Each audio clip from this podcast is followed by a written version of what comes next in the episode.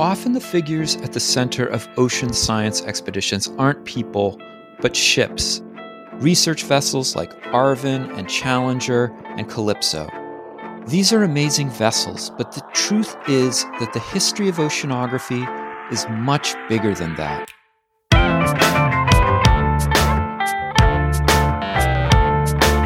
It's time to eat the dogs. I'm Michael Robinson. Today, Anthony Adler talks about the history of ocean science in the 19th and 20th centuries. Adler is a research associate in the history department at Carleton College. He's the author of Neptune's Laboratory Fantasy, Fear, and Science at Sea. Anthony Adler, thank you so much for talking with me. Great to be here.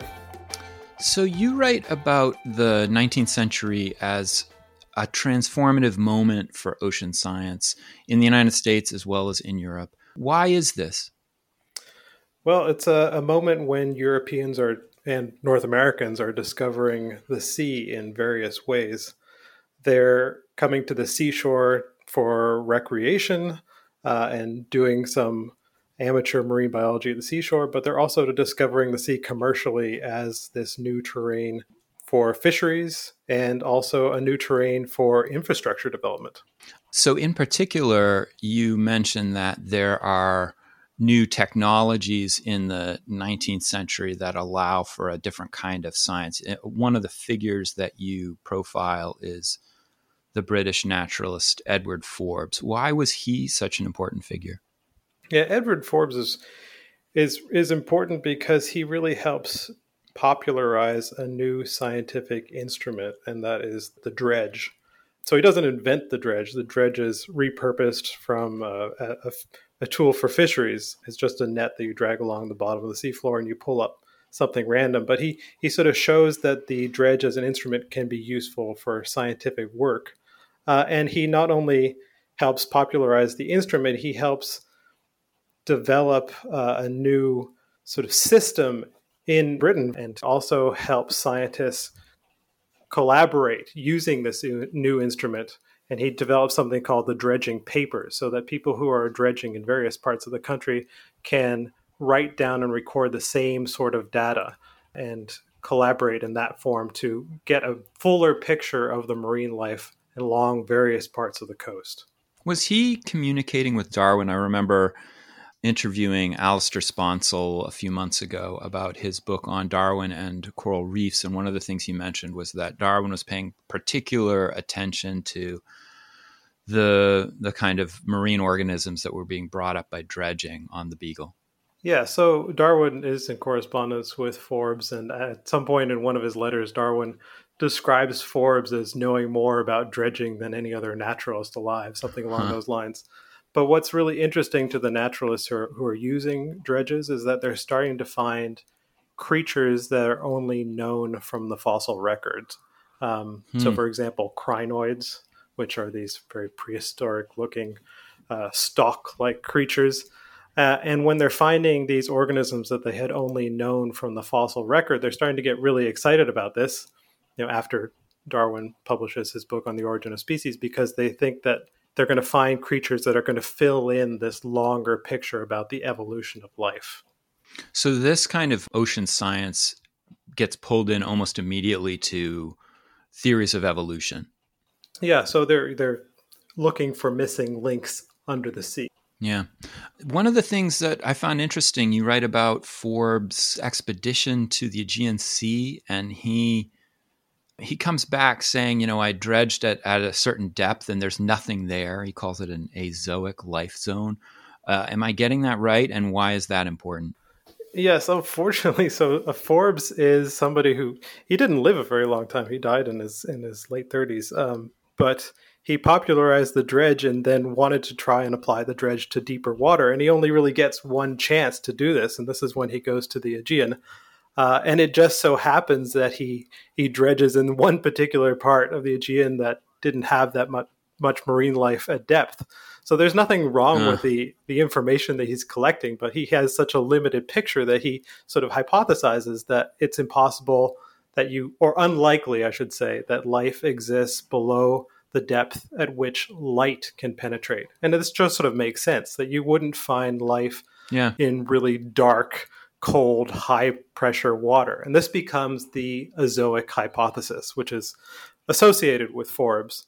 Uh, and it it's sort of held to be true by a number of scientists just because it seems to make sense.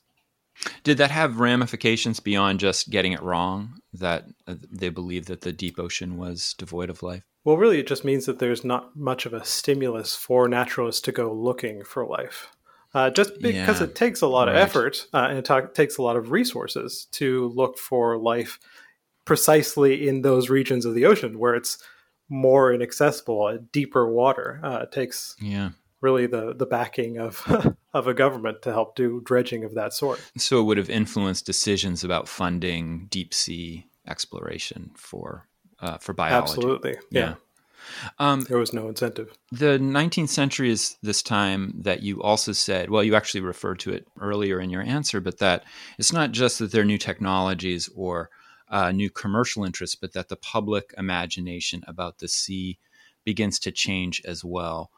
Uh, what's happening in the 1800s that's bringing new attention to the public? I would imagine for the British and European countries and the United States that th- these are these are maritime cultures. They've been living on the sea for a long time. What's happening that's uh, changing that? So you have the invention of the maritime novel, for for instance. So people are reading uh, books like Twenty Thousand Leagues Under the Sea, is published in the 1870s. So you have uh, the oceans being portrayed in new ways in fiction and novel and popularization uh, of stories about the ocean in that way. But you also have uh, technological inventions that you wouldn't necessarily think would be important for this. But uh, for example, uh, the railroad. Hmm. The railroad sort of shrinks distances in Europe in new ways. So it's really easy now for people, a new middle class that can afford to travel for recreation in urban centers like Paris, they can take a weekend trip to the seashore. Uh, and you have various people who are popularizing the seashore and seashore resorts as a place to go for, for health and recreation. And they can do that quickly with the railroad. But the other thing that happens with railroads, of course, is that it opens new markets for commercial fisheries on the coast. So you can bring fish ashore in, in, on, on the coast of France and then have them fresh in market in Paris. So they're eating marine creatures and, and new marine creatures that they hadn't uh, only a few decades earlier. And then there's another invention, of course, in the end of the 19th century, and that's the aquarium. And that makes a big difference for public interest in the ocean. I was kind of blown away by reading that the International Fisheries Exposition in London, which you describe in one of your chapters, I think it was in the 1880s, had 2.6 million visitors. I mean, I, I guess I know that international fairs were very, very popular in the 19th century, but an international fisheries exposition, what do you think people were so interested in? Yeah, so there's the 1883 London uh, Fisheries Exposition, which is one of the really big ones, but it's only one of a whole series of fisheries expositions in, in hmm. Europe and in North America. And I, I think I one of the things I argue in my in my book is that fisheries become associated with state power in various ways because you have a, a, growing population and fisheries are held up as this new commercial industry that are going to support the growth of the population just as a resource. But also the fishing industry itself is is seen as a proxy for national power. You can for instance you can take fishermen and draft them easily into the navy. Mm. and at the end of the 19th century the navy is still really important component of state power. Yeah. So there, th- that association is is going on in the background, but I think there's also just this fascination with this new terrain, the ocean, which is being discovered in various ways and romanticized. And I think that it's a period which the the work of the fisherman, this hardy explorer in a way, is also being romanticized. One of your illustrations of the International Exposition shows people. It looks like you can buy fish there. Was it also like a marketplace? Yes, the yeah, the London Exposition has a small fish market there, uh, and it was one of the interesting things about that fish market is that the journalists who are reporting on it say that one of the delights about this place is that you can go eat fish that you've never eaten before, right? So that's that's one of the things that was important in this period is you can't just bring fish to to Paris or London and expect that people there'll be a market for it. You have to create a market for these new commercial fish species. So you have to sort of teach people what they will be buying one of the goals of these expositions is to create new markets. Yeah, it's like going to a museum and being able to eat the exhibit. I love that um, idea. But um, you tell this interesting story at the beginning of your book about the history of oceanography as a field, and and you say that you know it's a pretty new field in the history of science. It grew up in the '60s, and it really grew out of the work of um, working oceanographers, and as a result, it emphasizes certain kinds of stories about ocean science, particularly great ship narratives. And I know that one of the great ship narratives, probably the, the greatest ship narrative, is the Challenger expedition in 1872. So I'm going to ask you a couple of questions about it, but I was wondering if you could give a recap, a short recap of that expedition and why it's so important. Well, the Challenger expedition, at first it's it's framed or the, the name given to it is the something like the, the International Dredging Expedition. but uh, there's a direct connection there between the Challenger expedition and the earlier emphasis on dredging. But you have uh, several naturalists. Uh, the chief scientist of the Challenger expedition is uh, Charles Wyville Thomson. Uh, and he'd gone on smaller expeditions doing the same sort of work, dredging on the Bulldog and the, and the Lightning, or sorry, the Lightning and the Porcupine. Mm. And he convinces the Royal Society and British government to fund a global surveying expedition, which becomes the Challenger expedition. Uh, and they carry out stations uh, on this round the world trip. But what's really important, I guess, what I would say about the Challenger expedition is that it's it's often held up as the singular event that gave rise to modern oceanography. Yeah. But I would say that that's not quite accurate. It's rather it's it's the culmination of uh, the final proof of concept of all of these various techniques for sounding and dredging that is finally being put together in one big massive expedition yes with with government support one of the reasons the expedition becomes so important in the history of oceanography is just the scale of the and the, the amount of data that they gather. So, by some estimates, they're discovering you know, three to four new species every day of this expedition. We, it's it also sets up a really interesting contrast to stuff that you talk about a little later in the book, which is um, you talk about how these deep ocean expeditions, which are really famous in the history of oceanography, are being done by the British and uh, particularly British, but but that in places like France, that doesn't really catch on. And what you see is that ocean science and oceanographic discovery is actually being done at these places called marine stations. So, what is a marine station and what kind of science was being done there? So, you have a, a number of French scientists who are very frustrated about this uh, in France. I guess I should just say before we talk about the, the marine stations the the French really looked to the Challenger. French scientists looked to the Challenger expedition as something that they really wish they could emulate. so there was a little envy of the British there. there was quite a bit of envy uh, because there just isn't state support for uh, mm. a hmm. deep water expedition like the Challenger. So marine naturalists in France who are interested in, in the marine environment, they're sort of limited to the coast. And as a result, they they really focus their work at marine stations. So these are laboratories on the seashore, uh, and once again, there's something that are made possible by railroads. Uh, again, because you can get from Paris to the seashore, uh, or you can travel easily from the north of France to the south of France in a season, and look at keep doing marine work in, in various ocean conditions along the coast. And actually, the French developed more marine stations than any other uh, nation in Europe.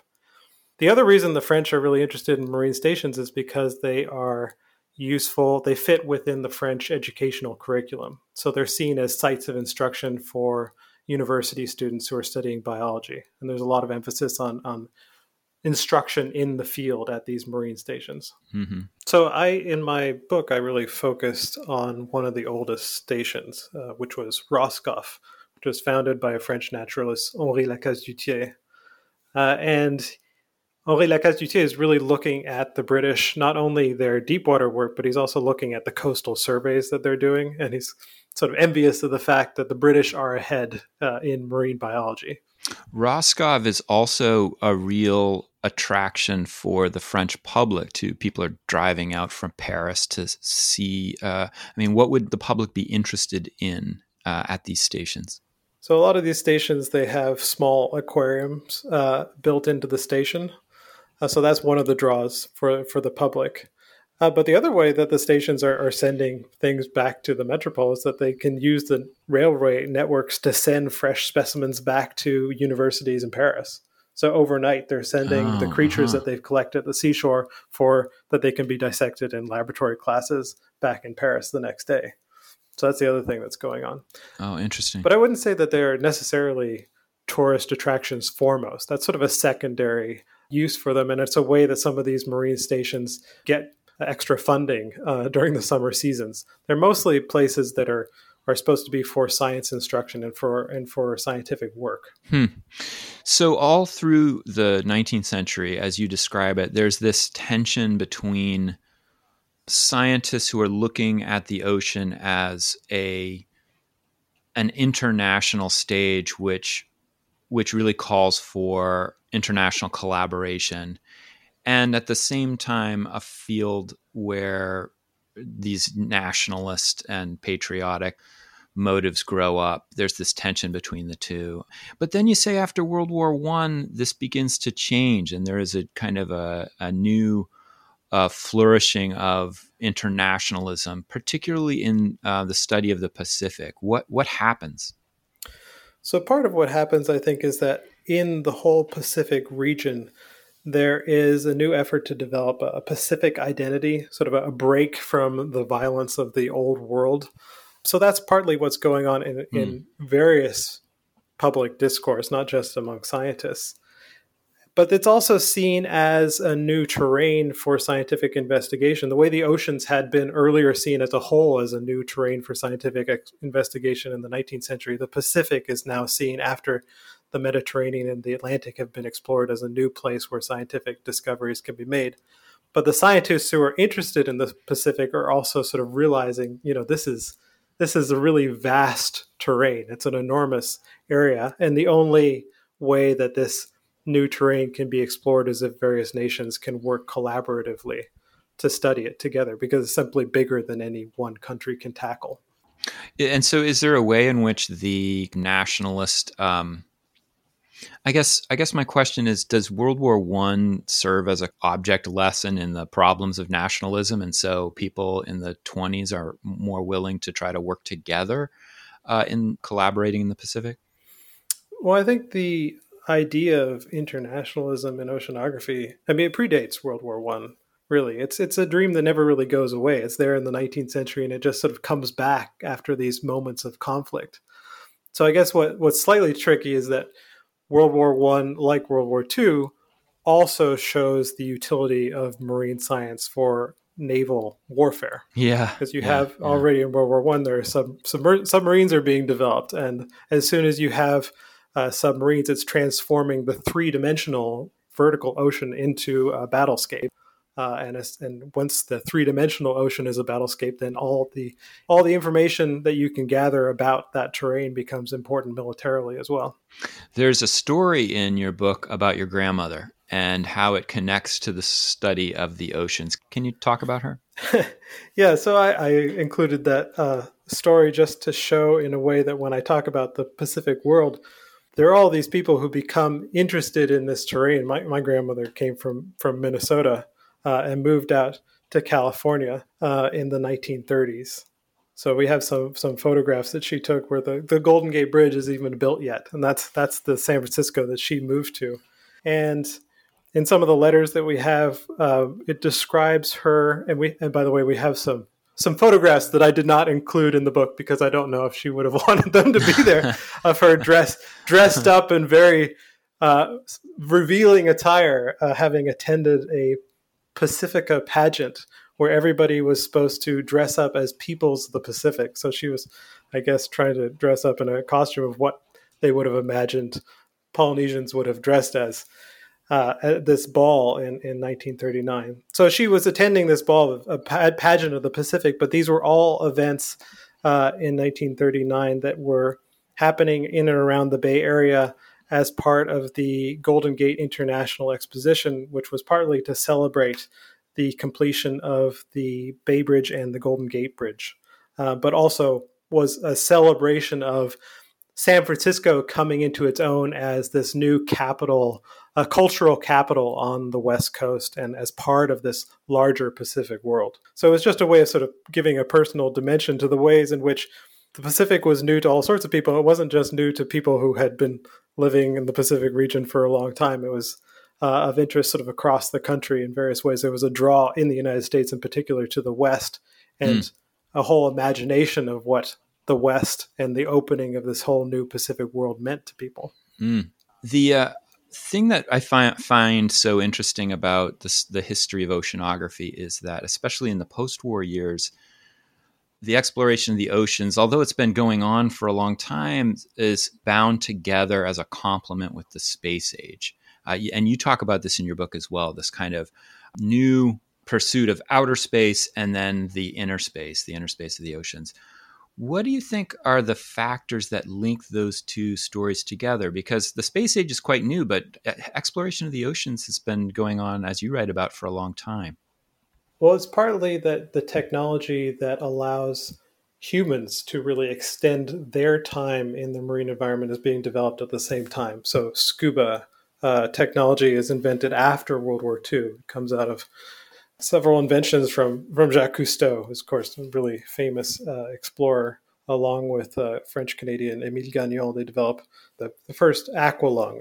And so the people who are the explorers who are using scuba to explore the oceans are doing it while also paying attention to explorers who at the very same time are starting to enter space. So what's interesting to me when I spoke to some of these people who were doing scuba uh, scuba diving scuba diving explorers in the 1960s and 1970s is how conscious they were of their sort of linkage to space exploration. Yeah. Uh, and some of the people I spoke to sort of said that they would have loved to have been space explorers, and this was as close as they could get to that was to be underwater explorers. So they really saw their their pursuits as analogous in some ways.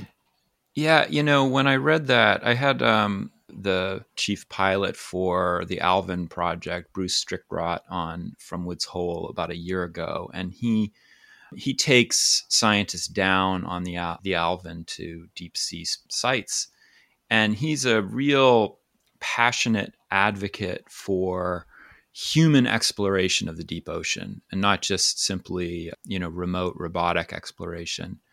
And I was just thinking as I read this, do you think it was the human experience of scuba that is the strongest link in that connection between the exploration of space and uh, the kind of the underwater work that's happening after the war? Is it, in other words, is it is it a kind of a perspective thing that's connecting them together?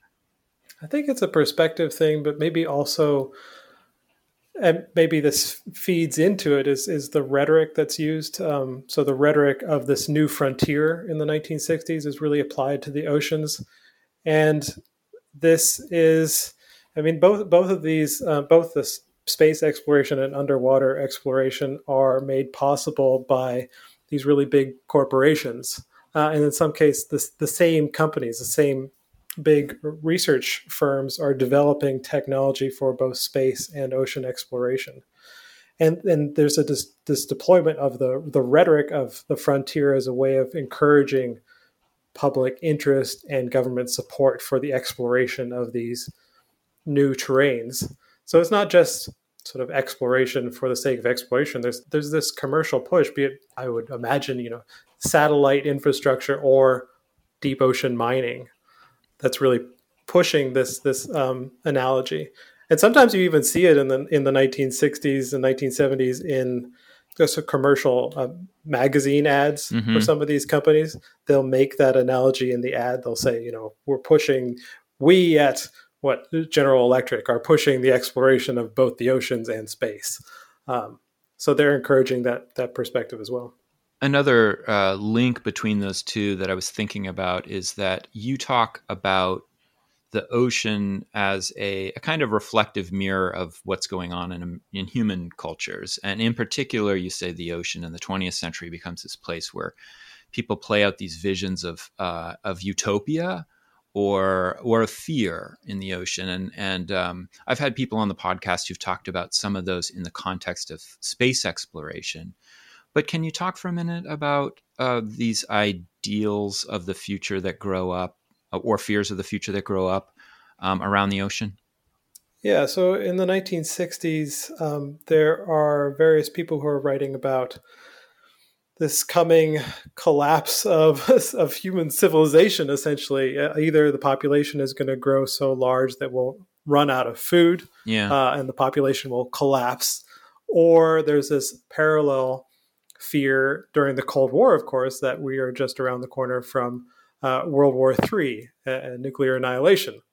So the oceans seem to offer a refuge from some of these fears, or at least it's held up as, as one possible solution. Either we're going to be harvesting marine resources in new ways, and that's going to solve uh, the problem of population growth, or we will be learning how to colonize the continental shelf, and you'll have underwater cities, sort of a place of, of refuge from from what could become an uninhabitable Earth. So that's one of the ways in which these these fears changed the way people are thinking about the possibilities for underwater exploration in the 1960s and 1970s. Hmm. When you were in college, you did a semester at sea. I did, yes. At Woods Hole.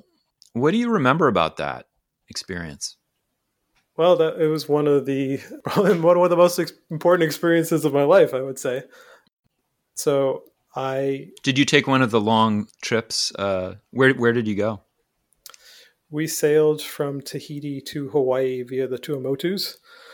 So first, the, the way Sea Semester works is you spend a few weeks in Woods Hole. So uh, that was my first time in Woods Hole, uh, and you working at uh, you get a, a, library access to the MBL library, which is just a fantastic place with marine science journals from all over the world going back to the 19th century. So exploring yeah. that place was really important.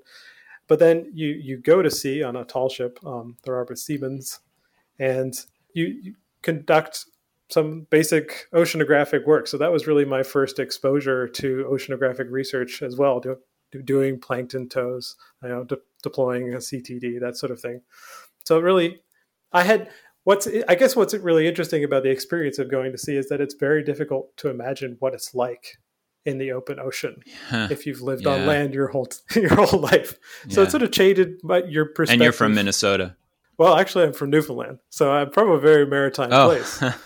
I grew up on an island, but even you know, standing on the shore and looking out to sea doesn't exactly prepare you for the experience of being surrounded completely by ocean. Yeah, I went on one of the the cruises on the Corwith Cramer, uh, one of the tall ships at Woods Hole, just not like you for a semester for five days. And and I'm also I grew up on a coast. I grew up on the coast of Maine, but I have I'm not a sailor, and I know I don't know what I'm doing at sea. But it was for me. It was interesting. It was actually very helpful because it, first of all, it was very disorienting. It was like it was fascinating and amazing and beautiful, but it was also very disorienting to be on a watch system and to be rotating every eight hours to be doing something else and so we were supposed to be there as scholars doing some research as well or at least having you know conversations about history of science. And by the third or fourth day i was just incoherent. I couldn't you know i couldn't do anything. It was really hot at night and the sea was rocking and we were hitting squalls and all this. And it made me actually appreciate so this is kind of my i think eureka moment. It made me appreciate how difficult it must have been for a naturalist like huxley or darwin to be doing research on a naval vessel where they had even less space and you know fewer kind of luxuries than I was. So that that was like the part of it that I remember. But I was wondering what you said it was one of the most important experiences for you. What what about it was uh, you know in retrospect so so important? Well, I mean, I think it just sort of solidified my my interest in the ocean that was already there. But just experiencing what it's like to well, first of all, I guess I should say I, I get seasick, and um, doing science on on a research vessel is could be a very unpleasant experience if you're prone to seasickness. Yeah, yeah. So one of the things So that we had to do at sea semester is is a hundred counts, where you take a plankton tow and then you look at it under a microscope and and count plankton. And Mm. that is a horrible experience if you are feeling seasick. so it sort of gave me a new respect, I should say. I, you know, for for the scientists who can who can do this or, or, or really wanted to do this and spent years going to sea doing the scientific work because yeah you have to be physically able to do it Yeah, in various ways yeah. Antony Adler, thank you so much for talking with me. yeah thank you That's it for today. The music was composed by Zabrat. Make sure you check out the Time to Eat the Dog's website podcast links and other exploration related stuff. And if you get the chance, please take a minute to rate and review the show wherever you get your podcasts. It really helps make the show visible to new listeners.